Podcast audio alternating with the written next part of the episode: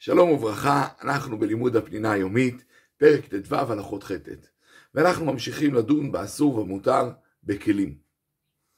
כאשר יש כלי שרגילים להשתמש בו בחיבור רופף, ממילא מותר לחבר ולפרק אותו, מכיוון שכמו שלמדנו כבר, חיבור רופף בכלי מותר. ממילא, אמנם אסרנו לחבר ברופף מה שעלול לבוא לחבר בחוזק, אבל איפה שזה הדרך להשתמש ברופף, אין שום בעיה. לכן לדוגמה, גלגל שנשמט ממיטת תינוק, שהוא כל פעם נכנס ויוצא, וזה רופף, מותר יהיה להחזיר את זה. אה, בובת משחק שיצאה לה רגל, ושוב פעם, היא רופפת והיא מדי פעם יוצאת, ויוצאת ומחזירים. ממילא אפשר יהיה להחזיר אותה, וכן כל כיוצא בזה. מוט של משקפיים שנפל, אם זה רוצה להחזיר על ידי בורג, ודאי שאסור, כי הבורג נוהגים להבריג אותו חזק ולהשאיר אותו ימים רבים. ולכן, כל זמן שיש בורג אסור אפילו להתעסק עם זה, צריך לשים את זה, וזהו. למה שמא יבוא להבריג? אבל כאשר נאבד הבורג, מותר יהיה לקחת סיכת ביטחון ולשים, כי זה חיבור רופף וזמני, ולכן ממילא הדבר יהיה מותר.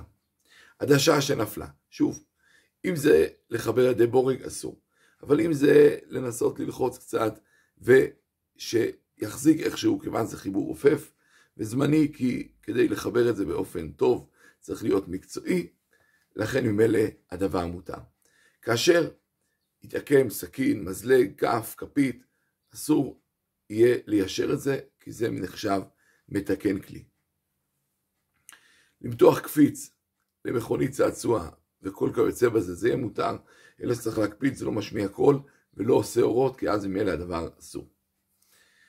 לנפח דבר שזה הפעם הראשונה שמנפחים אותו, כמו מזרון, כמו כדור מתנפח, זה אסור. כי הפעם הראשונה זה בעצם מתקן כלי. אבל אם כבר ניפחו את זה, ועכשיו ירד האוויר, ורוצים עוד פעם לנפח, אז ממילא הדבר מותר. בבלון יש לשים לב, שאם זה עושים קשר בסוף, אז זה אסור מדין הקשר. אבל אם מחברים את זה באופן אחר ולא בקשר, גם לנפח בלון, כאשר זה לא הפעם הראשונה, יהיה מותר. מותר לכבוד השבת, כאשר יש צורך, לטאטא את הרצפה במטאטא. אבל אסור לשטוף את הרצפה, ומה ההבדל? שלטאטא זה יותר נצרך מאשר לשטוף. ולשטוף אסור שמא יבוא לשטוף במקום שיש אדמה וזה לא מרוצף, וזה איסור של השוואת גומות, איסור בונה. למה בטיטול לא גזרו? כי יש בדבר יותר צורך. והנה חינם, כאשר יש צורך גדול והרצפה מאוד מלוכלכת, ואדם לא נעים לו, אם הוא ירצה להקל לשטוף את הרצפה, יהיה מותר. אלא שכמובן צריך להקפיד מאוד מאוד לא לסחוט. ולכן נשתמש במים וגריפה בלי סמרטוט, או שישתמש בדבר שלא רגילים לסחוט אותו, אלא ישר לוקחים וזורקים.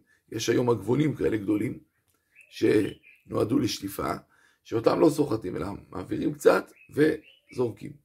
אז ממילא יהיה מותר להשתמש בדבר כזה, אה, ושוב אני אומר, לכתחילה לא ישטוף את הבית, כי גזרו על זה, רק אם יש צורך גדול, כי לכלך מאוד קשה לו, הוא רוצה לשטוף, יש לו על מה לסמוך, להקל בדבר.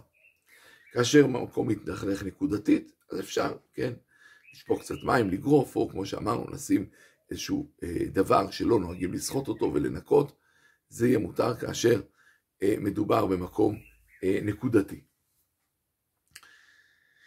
צינור שנועד להוציא את המים מהבית, והוא התמלא עשבים, ועכשיו בגלל זה הניקוז חוזר והמים חוזרים הביתה וזה הפסד, אז אם אלה התירו חכמים בשינוי על ידי הרגל למעך את העשבים האלה כדי שיהיה זרימה של מים בצינור.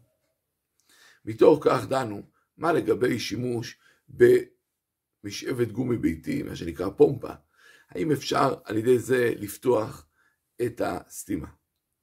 יש שאמרו, לא, מכיוון שזה כבר תיקון כדרכו, זה לא עם הרגל, זה לא בשינוי, זה אסור לפתוח צינור, כי זה תיקון.